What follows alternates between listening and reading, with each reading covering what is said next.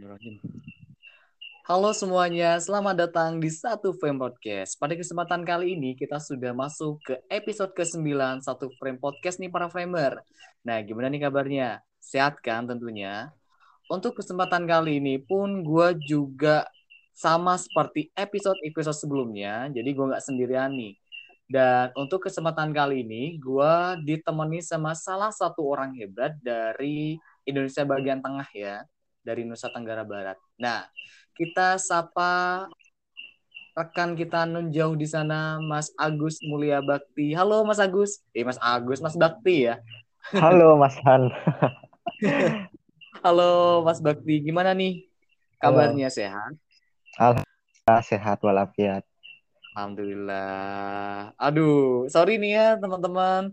Jadi kita ini sekarang uh, terpisah oleh satu jam. Ini kita take-nya jam 10 malam di WIB. Kalau di Mas Bakti ini jam 11 malam gitu ya. Oke. Okay. Jam Tapi 11. kita tidak menyurutkan semangat gitu ya. Oke. okay. Harus tetap semangat. Biar teman-teman pada kenal gitu ya Mas Bakti. Saya ngomongnya Bakti aja ya. Uh, Bakti kesibukannya saat ini apa aja nih? Masih study tadi mau selesaiin S1 hmm. di jurusan Oh, di pendidikan fisika ya, di Universitas Mandalika kalau nggak salah ya. Universitas Pak. Pendidikan Mandalika. Uni di Lombok. Oh, di Lombok, Nusa Tenggara Barat. Tepatnya di Kota Mataram. Ini Kota jadi Mataram. uni ya, Universitas Pendidikan ini jadinya uh, gabungan dari kampus gabungan dari dua kampus yaitu kampus hmm. uh, eh, UNTB dan juga IKIP Mataram. Nah, dia nyatu jadi Universitas Pendidikan Mandalika. Oh, I see. Baru tahu sih ya. Berarti Universitas Pendidikan Mandalika ini gabungan ya dari dua ya, kampus. banget. Baru jadi dua tahun, dua tahun jalan. Oke. Thank you nih infonya ya. Ini buat para framer di rumah yang dari NTB bisa nih ya langsung cus ke Universitas Pendidikan Mandalika gitu ya. Iya, benar sekali. Iya, oke. Okay. Uh, eh, sebelum jauh ke sana, kita harus tahu dulu nih topik yang akan kita bahas pada kesempatan kali ini. Nah, agak seru ya pembahasan kita sebenarnya karena tema kita adalah anak muda gak gagal ya gak oyi gitu ya. Jadi gini para teman-teman framer di rumah, maksudnya apa? Gak oyi itu kayak gak keren gitu loh, nggak nggak bagus, nggak mantap gitu loh. Gitu sih. Ojin tuh maksudnya kayak gitu. Jadi anak muda ya kalau lu nggak gagal ya nggak nggak keren gitu. Jadi maksudnya apa? Uh, kegagalan itu ya adalah bagian dari anak muda itu sendiri ya nggak sih? Bener nggak sih? Uh, bener, uh, bener banget. Harus gagal dulu. nah harus gagal dulu tuh. Ini kalau kita lihat background dari Bakti sendiri ini kan uh, founder dari NTB Mart gitu ya. Boleh ceritain ya, dulu bener, dikit bener. dong tentang startup dari NTB Mart sendiri, Mbak? Ya, jadi NTB Mart ini adalah sebuah platform marketplace yang mewadahi UMKM dan usaha-usaha kecil menengah lainnya yang berada di NTB, termasuk pedagang-pedagang uh, sayur, buah, dan lain sebagainya. Dan ini tujuannya itu untuk uh, mewadahi agar ekonomi NTB tumbuh lagi. Soalnya menurut pandang saya uh, di Jawa sudah banyak sekali startup-startup, sedangkan di NTB ini masih minim sekali. Ya hanya muncul satu dua tiga saja, sehingga saya berambisi keras untuk merubah NT, NTB lebih jauh ke depannya, khususnya pada uh, apa namanya startup seperti itu.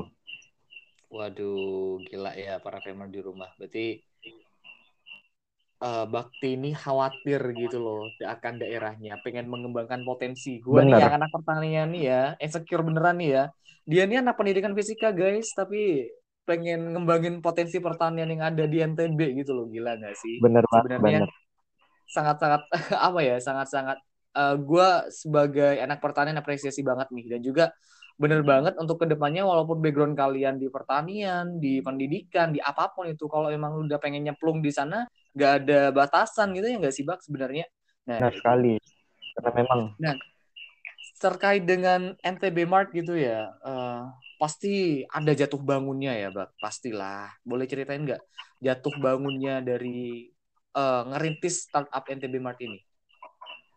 Ya tentunya yang pertama dari segi uh, pondasinya ya seperti awal-awal buat kayak kayak gitu karena seperti yang saya jelaskan sebelumnya bahwa kekhawatiran akan uh, masa depan NTB yang akan datang tentunya. Oh my God. Nah dari itu saya jatuh bangun nih uh, membangun dari segi memulai membuatnya sendiri karena memang SDM di NTB ini uh, berada di Pulau Jawa semua, tidak semuanya ada di NTB. Nah sehingga saya di sini masih sendirian membuatnya uh, untuk awal-awal. Nah dari sana saya banyak sekali mengalami kesulitan tentunya dalam segi desainnya dan uh, apa namanya codingnya dan lain sebagainya. Tapi alhamdulillah uh, sejauh ini saya berhasil mengembangkannya. Oke. Okay. Oke, okay, kalau bisa kita rangkum keren banget ya. Ternyata walaupun uh, eh, SDM-nya ada di Jawa, walaupun bakti sendirian tapi benar-benar ya we maximize the startup gitu ya. Pengen benar-benar maksimalkan potensi ini startup ini untuk pengembangan daerah. Ini benar-benar anak muda hmm, banget benar ya. sekali benar banget gitu benar. ya. Dan kalau kita lihat juga dari kegagalan itu apa ya sebagai bukan kegagalan ya bisa dikatakan challenge ya atau tantangan yeah, itu yeah. bukan menjadi hambatan ya bak untuk uh, ngembangin yeah, startup benar sekali. Benar. Nah, apalagi? Di NTB sendiri boleh ceritain dikit gak sih eh, di NTB itu ada apa aja atau dari budayanya gitu? Yang mungkin para framer dan gue sendiri tuh nggak tahu nih bak tentang NTB nih. Di NTB sendiri wah mungkin salah satu daerah wisata ya itu yang pertama. NTB adalah salah satu daerah wisata terutama di Lombok. Wah keren banget sih daerah wisatanya. Apun di sisi lain NTB juga memiliki uh, apa namanya sumber daya alam seperti pertanian, seperti tambang, tambang uh, tambak maksud saya, tambak, tambak udang, ada juga tambang, tambang uh, emas di Sekotong dan juga masih banyak lagi, terutama di penghasil mutiara juga. Nah dari itu namanya kebanyakan di di NTB ini memasarkan produk-produknya itu uh, di startup startup di tingkat nasional yang sudah terkenal seperti Shopee, Tokopedia dan lain sebagainya. Nah dari sana uh, klimaks klimaks saya nih sebagai uh, warga NTB tentunya uh, masyarakat NTB ini tidak mengenal potensi atau produk-produk yang ada di NTB sehingga NTB mati inilah tercipta produk-produk tersebut agar dikenal oleh masyarakat NTB secara menyeluruh terutama seperti itu. Sehingga nantinya kalau ada orang yang bertanya uh, di Pulau Jawa apa sih produknya NTB? Nah bisa dilihat di NTB Mart. Nah seperti itulah contoh kecilnya. Oke, sambil promosi nggak apa-apa ya? Iya benar. Oke, jadi benar banget ya kalau gue tanya terkait dengan uh, sejauh apa sih NTB? Gue memang lihat-lihat di film-film, di apa banyak artis yang mm -hmm. liburan ke sana gitu kan. Gue tuh sering nonton film ini sih, Bak. Uh, apa namanya? Susah sinyal gitu ya. Di sana kan di Lombok oh, kan. Nah, ya, benar. kan syutingnya di Lombok. Sumpah di keren banget lagi pas waktu malam itu ya. Gila ya, benar, benar. Emang bener-bener uh, apa namanya NTB itu surga wisata ya bisa dikatakan. Tapi ada masalahnya nih ya di situ. Gua catat di sini Bakti bilang bahwa banyak masyarakat itu nggak kenal NTB sendiri gitu kan. Nah contohnya mm -hmm. uh, terkait dengan potensi-potensi tadi yang dibilang pertanian, tambak, sama juga mutiara. Wah gila nggak sih mutiara ini? Uh, ternyata uh, dijualnya ya, di startup startup yang nasional gitu kan. Ini padahal sebuah potensi besar gitu kan. Nah dan mm -hmm. gue tahu nih kalau kita ngembangin startup pasti ada yang namanya kegagalan. Nah barusan kan tantangan gitu kan, challenge sendiri gue mau gak mau nanya tentang startupnya nih bak gue mau nanya terkait dengan iya, iya. kehidupan yeah, yeah. lu nih kehidupan lu nih sekarang gitu loh nah, pernah gagal menarik gak sih iya pernah gagal gak sih bak gitu kalau gagal pasti semua orang pernah mengalaminya tentunya tapi mungkin Saya paling sering. ya gimana tuh? Gagalnya Bakti ini di mana? Kok bisa bilang sering gitu? Bisa ceritain gak ke kita gitu? Dari dari mana dulu nih? Diceritain dari mana dulu? Ceritain dalam hal uh, apa namanya? bisnis, uh, akademik, uh, prestasi, prestasi akademik maupun non akademik seperti itu. Gua oke oke. Okay, okay. Jadi kemarin kan sebenarnya Bakti ini agak vakum ya lama ya. Gue jadi gini guys, gini ya, para framer di rumah. Nah, kalau Bakti pengen nyapa para pendengar gua nih namanya para framer ya, framer gitu. Jadi para framer di rumah, Bakti ini lama nggak aktif gitu. Baru kayak minggu lalu pada minggu lalu gitu gua lupa. Tiba-tiba dia bilang bahwa halo guys, gua aktif lagi gitu. Gua sekarang kayak udah terlahir kembali gitu Pas, kayak kayak gitu bilang soalnya gue nih kemarin gagal gagal gagal terus tapi sekarang udah kayak ada profit profit profit terus gitu nah kita mungkin nanya terkait dengan kegagalan yang di situ aja dulu nih mbak kegagalan pas waktu bisnis kali ya. Bisnis gak sih? Iya benar. Ya, di bisnis. Coba nih ceritain ke kita nih mbak. Oke, jadi para primer saya sebenarnya itu uh, banyak mengalami uh, apa namanya musibah lah dalam artian ujian tantangan hidup dari Tuhan yang Maha Kuasa. Yang di mana yang sangat muda ini ya mungkin uh, masih wajar. Tapi di kalangan saya ini memang sungguh tidak wajar. Karena memang ekonomi yang sangat rendah. Uh, dari sana saya memang memulai suatu bisnis ya bisnis online mulai suatu bisnis yang di mana pada saat itu saya diajari oleh salah satu rekan saya di Pulau Jawa dan rekan bisnis ini mengajari saya tentang ya sangat besar dalam artian saya mulai menganalisis bisnis bisnis sehat nah, sehingga saya mulai mencoba uh, dengan mengumpulkan modal uh, beberapa juta dan menghasilkan berkali-kali. Uh, namun cukup lama, enam bulan berjalan, saya mendapatkan keuntungan. Dan bisnis saya yang me, uh, mengajak saya tersebut meminjam modal modal saya. Hmm. Sekitar 80 persen dipinjam. Wow. Nah, sehingga saya uh, dengan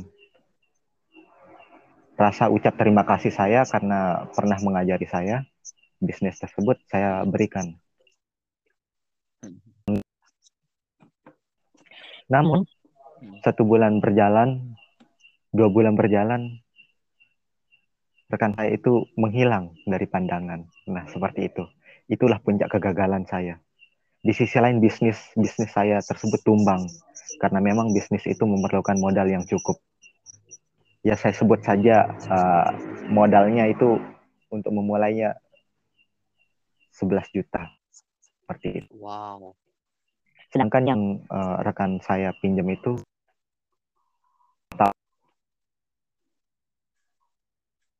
tiga puluh Gila, 36 juta. Dua bulan pertama, satu bulan pertama diansur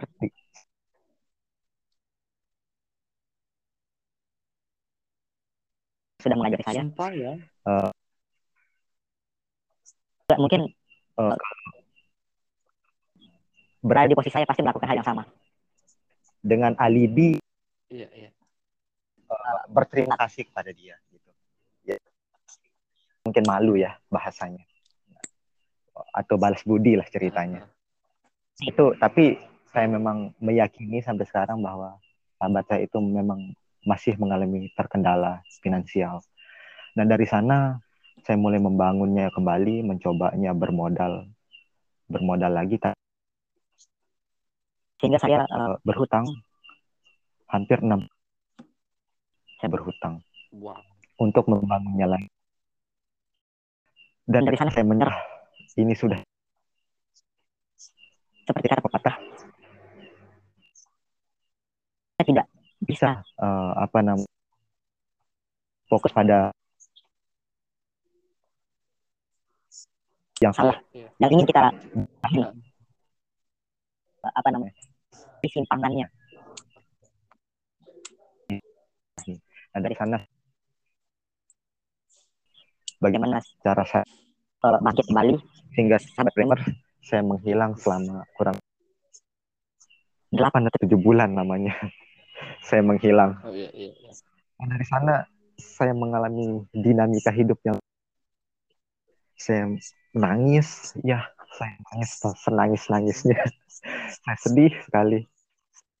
Tapi memang kesedihan itu uh, bukan berarti semata-mata uh, merenungi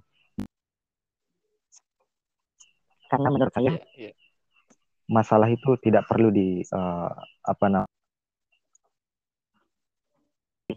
ungkit-ungkit ke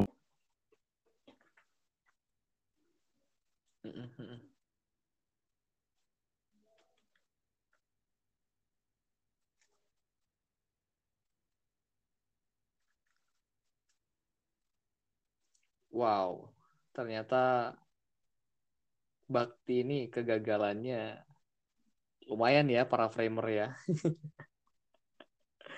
sampai ah kehilangan 36 juta ya, sampai hutang ke ini hutangnya saya nggak nggak tahu nih ya, ke bank kali ya.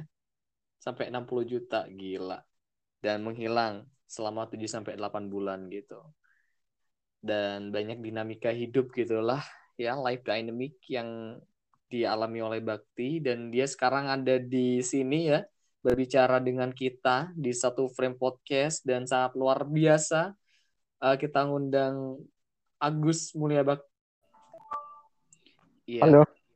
Halo, ya sorry para framer di rumah barusan ada kendala teknis ya. Jadi barusan Ya, benar sekali. banyak nih terkait dengan kegagalannya gitu ya sampai menghilang 7 mm -hmm. sampai bulan kemarin ya ada life dynamic yang dihadapi oleh bakti itu sendiri gitu dan dinamika kehidupan gitu. Boleh dilanjutin nih bak terkait dengan ceritanya. Apa sih yang Iya, mungkin saya akan lanjut. Selama bulan yang kemarin ngilang gitu loh. Iya, selama kurun 8 bulan sampai 8 bulan itu saya fokus mencari solusi sebenarnya. Ya. Saya fokus mencari solusi terutama untuk melunasi hutang saya dulu. Nah, saya bekerja, bekerja apa aja, yang penting ada pemasukan dulu sembari uh, apa namanya merancang sebuah sistem yang saya sebut bisnis saya uh, terdahulu. Dan akhirnya uh, ketika saya fokus pada solusi, walaupun masalah itu seberat apa pun, pasti akan runtuh juga. Dan akhirnya kemarin saya mendapatkan uh, solusinya, triknya, uh, ritmenya, cara caranya saya dapatkan sehingga alhamdulillah dalam waktu satu bulan saya bisa uh, apa namanya melunasi sedikit hutang saya. Dan saat ini alhamdulillah hutang-hutang sudah lunas. Itu pun bukan campur tangan orang tua, bukan sama sekali campur tangan orang tua. Karena memang orang tua saya itu memberikan saya uh, uang, uang kuliah, uang makan, uang per bulan tidak pernah. Ya, mungkin orang tua saya tidak sanggup memberikan saya juta tidak sanggup. Bahkan oh kalau kita berpikir 500 saya tidak sanggup memberikan saya. Karena memang di kuliah, di kuliah saja bisa bidik misi. Itu wow. akhirnya bisa kuliah. Andai saya tidak mendapatkan beasiswa, mungkin saya sudah merantau ke Malaysia atau ke negeri orang. Wow, amazing, amazing moment, amazing story for me ya. Jadi gue gue terharu nih sumpah nih bang, sumpah gila. Segini ya, ya. Gue I'm so appreciate for your life gitu loh. Jadi uh, lo di umur yang segini Tuhan tuh ngasih ngasih pengalaman luar biasa ya. Gue kalau bisa bilang tuh pengalaman ya, bukan sebuah istilahnya, bukan sebuah ujian ya. Tapi pengalaman yang luar ya, biasa di mana kasih apa namanya, uh, lo kayak percaya sama orang dan lo kayak udah ngasih dia kepercayaan, malah dia ngianati dan bener-bener lo kayak di pressing gitu sama Tuhan ya, di pressing, di ya, ditekan gitu kan, dan tiba-tiba lo ngilang, but lu tuh nggak fokus sama apa ya ujian itu gitu loh. Tapi lu fokus sama solusi solusi solusi gitu. Dan akhirnya lu dapetin solusi itu. Dan ternyata aduh hutang 60 juta lu bisa bayar. Gila. Gua nih ya Allah. Gila sumpah luar ini I'm so appreciate. Ah, bener banget bener. Saya sih teramat sedih menghadapinya sebetulnya tapi jadi, memang jadi kalau ini gimana nih bak apa sih arti kegagalan buat lu nih kalau kemarin kan udah arti kegagalan pengalaman yang sangat luar biasa. Menurut lo sendiri, ketika ada di titik ini, di poin ini kita bicara di satu frame podcast, apa sih arti kegagalan buat lo sendiri gitu? Sebenarnya kegagalan itu tidaklah ada. Uh-huh. Kegagalan itu adalah suatu kesalahan sebenarnya, kesalahan dari apa yang kita lakukan. Ketika kita benar, maka kita tidak akan pernah gagal. Gila tidak ada kata gagal sebenarnya. Sama seperti kita mengerjakan soal matematika. Sederhana saja. Satu tambah satu dikurang satu. Nah, seperti itu. Sama dengan tiga. Nah, itu kan se sebuah kesalahan. Kesalahan dalam matematis. Yeah. Kalau kita benar, satu tambah satu dikurang satu sama dengan satu. Nah, itu okay. tidak ada kata gagal. Itu hanya yeah. sebuah kesalahan. Oke. Okay. Nah. Ya, yeah, oh my goodness. I'm so I'm so proud of you, bro. Beneran nih gue bangga banget nih ya jadi temannya Bakti ya. Salah satu orang hebat dari NTB yang kalau gue bilang ya. Ternyata lo udah uh, dapat highlight tentang hidup gitu ya. Jadi gue pengen nanya uh, di luar konteks dikit nih ya. Jadi uh -uh. dari 7 sampai 8 bulan itu kan lo kan solusi gitu kan. Pasti ada life iya, bener dinamika hidup yang mungkin lo dapet pressing atau kayak gimana gitu. Jadi apa sih yang uh, lakuin biar lo tetap konsisten untuk hadapi solusi itu, cari solusi itu sih, Bang? Apa sih yang lo uh, lakuin gitu? Nah, yang pertama saya itu sangat-sangat uh, uh, tidak bisa kalau ditekan oleh banyak orang. Yeah. Terutama ucapan-ucapan ini dan lain sebagainya. Makanya uh, saya memilih menghilang dari pandangan sembari saya fokus dan konsisten sampai tujuan saya. Nah, kalau saya sudah mencapai tujuan tersebut, kita muncul, kita berkoar-koar, tidak apa-apa, kita sudah bebas seperti itu. Ya, ya, ya, ya. I like it. Sumpah, gua, Karena gua memang kalau kita kalau kalau kita terus terus uh, apa namanya uh, melihat uh, percakapan orang tentang kita dan yeah. sebagainya, mental yeah. kita akan jatuh. Wow, my goodness. Itu tidak penting. Makanya saya menghilang begitu lama. Dari awal kalau saya tidak salah itu hmm. saya mulai uh, kesulitan itu di awal-awal Januari. Yeah. Januari tersebut uh, saya penghasilan saya itu juta. Februari nambah 2 jutaan. Maret hmm. nambah 8 jutaan lalu saya semangat semangat bulan uh, selanjutnya turun lagi semakin dinamika hidup saya semakin uh, anu apa namanya uh, ngeri dah saya nangis nangis yeah. gitu tapi memang dari pendapatan pendapatan itu saya langsung hutang saya tersebut yeah. gitu dan kalau sahabat prem melihat uh, apa namanya buktinya saya bisa kirimkan nanti via WA yeah, seperti itu. Gue gue gue pengen tahu nih buktinya nih. Aduh sumpah nih sangat luar biasa ya. Perjalanannya bakti sampai ada di posisi ini gitu kan. Dan uh, hmm. ternyata bener kita nggak hanya fokus sama masalah tapi juga kita harus uh, cari solusi gitu ya. Solusi terbaik iya benar kita gitu ya. Karena kalau kita karena fokus memang, sama kelar-kelarnya iya. ya sih karena memang kalau kita fokus pada masalah masalah dan masalah pandangan kita itu akan buram oleh titik-titik ya. masalah tersebut. Jendela mata kita itu buram. Sehingga apabila ada solusi yang datang, kita tidak bisa melihat solusi tersebut. Nah, apabila kita fokus pada solusi, solusi, dan solusi, maka jendela mata kita bersih. Sehingga jika ada solusi atau masukan dari orang lain, kita mudah mencernanya dan menangkapnya. Seperti itulah bahasa sederhana. Mulia Bakti, founder MTB Mart, seorang motivator. Gila, ini harus didengerin para framer di rumah ini harus didengerin. Gua ngundang Bakti di sini nih bayarannya nggak murah loh ya. Nggak murah loh ya. Gak murah, mahal, mahal.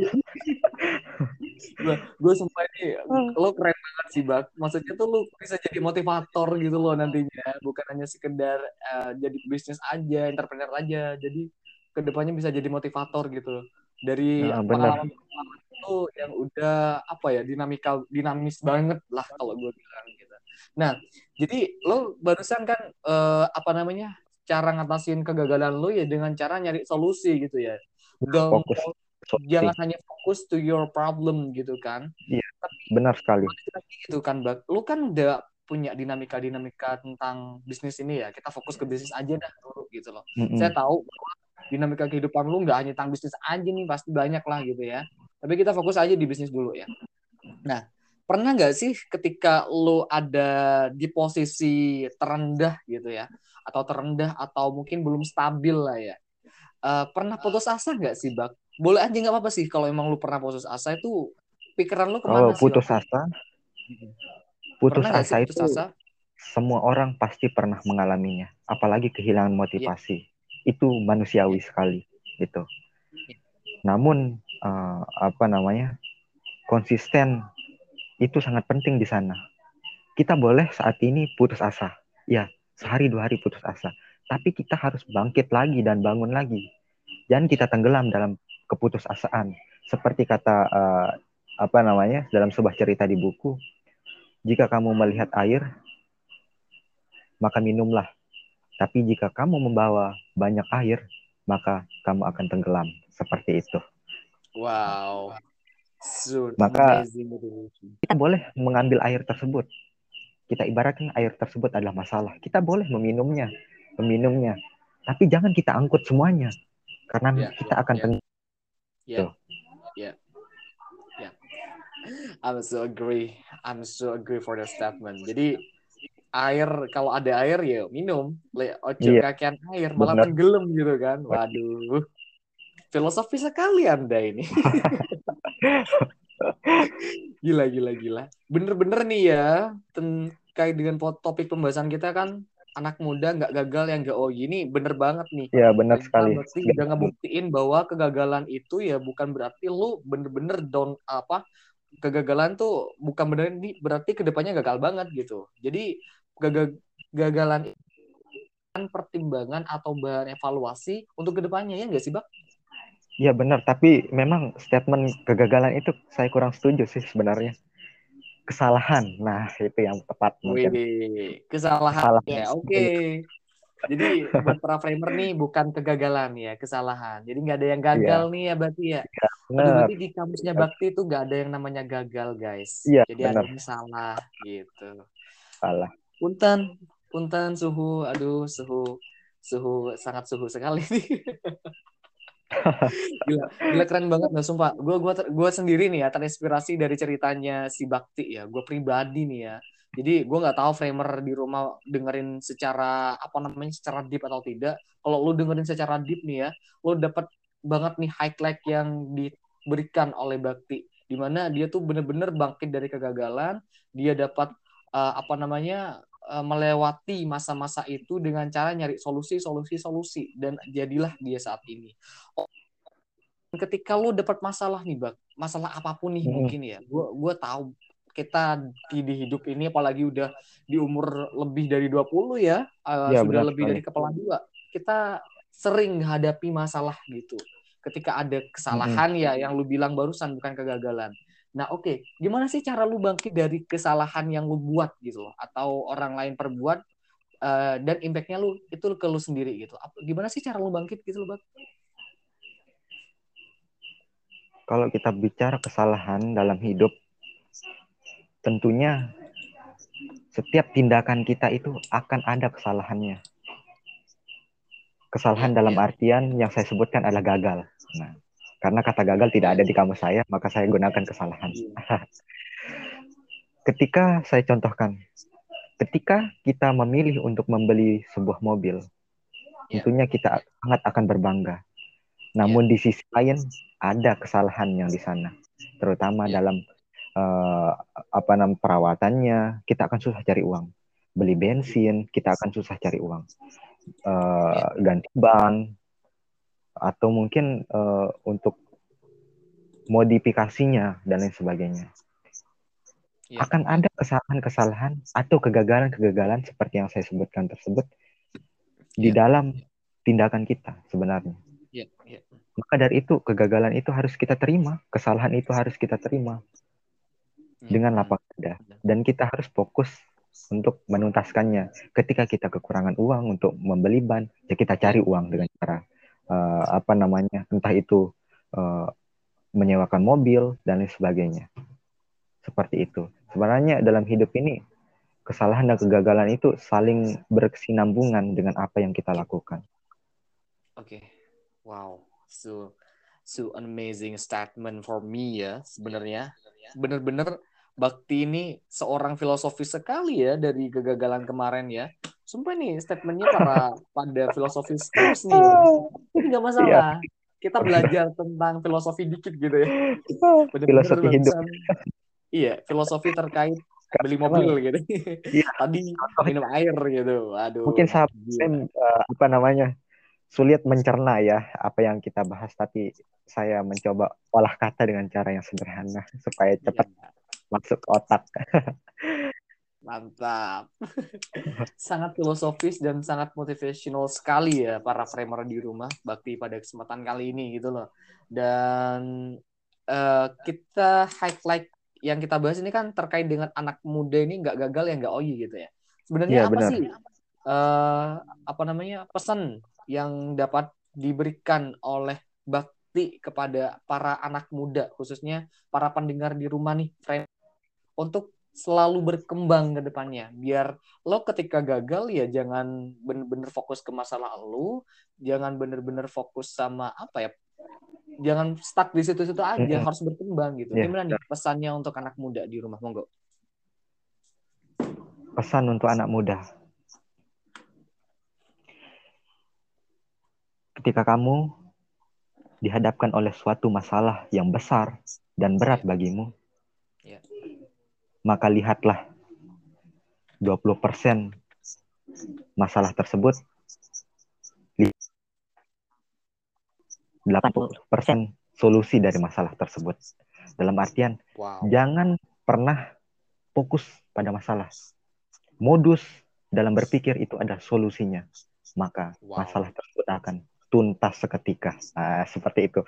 Walau jangka waktunya ditentukan oleh usaha dan tubuh Anda sendiri seperti itu. Ya. Wadaw, wadidaw. Mantap, mantap.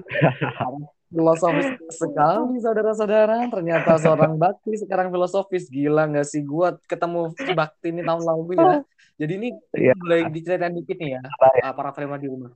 Bakti ini adalah uh, salah satu kompetitor gua di salah satu kompetisi esai ya di Surabaya ya, waktu itu dia tuh sama temennya dan dia tuh kayak positive vibes gitu loh. Dan oke okay, gue gue pas dari dia orang itu kayak punya effort lebih gitu punya usaha-usaha kayak beda lah anaknya gitu. Dan nggak terlalu filosofis waktu itu beneran nih kayak oh, kayak mahasiswa pada umumnya dan tapi dia punya semangat tinggi gitu.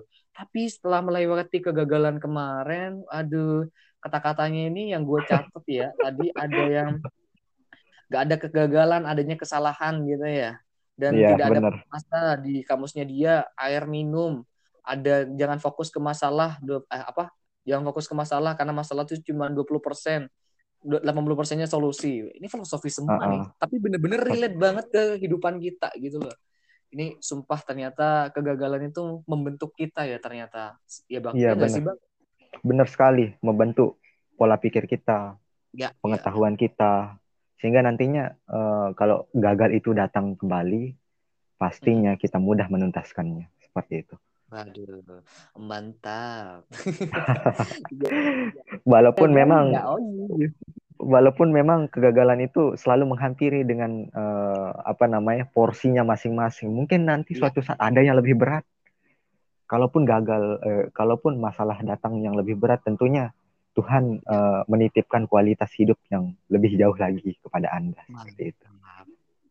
Jika kita Mantap. tidak menuntaskannya, maka Ya, ya. hanya itulah pengetahuan Anda. Hailah. Alas ya boy. Sama seperti ya anak-anak eksak ya, anak-anak eksak kalau dikasih tugas ya bikin proposal atau bikin laporan ini, bikin Iya. penelitian. Ya kalau kita tidak kerjakannya cuma sebatas itu pengetahuan kita. Kalau kita Iya. kerjakannya tambah lagi. Nah, seperti itulah masalah yang datang. Oke, oke.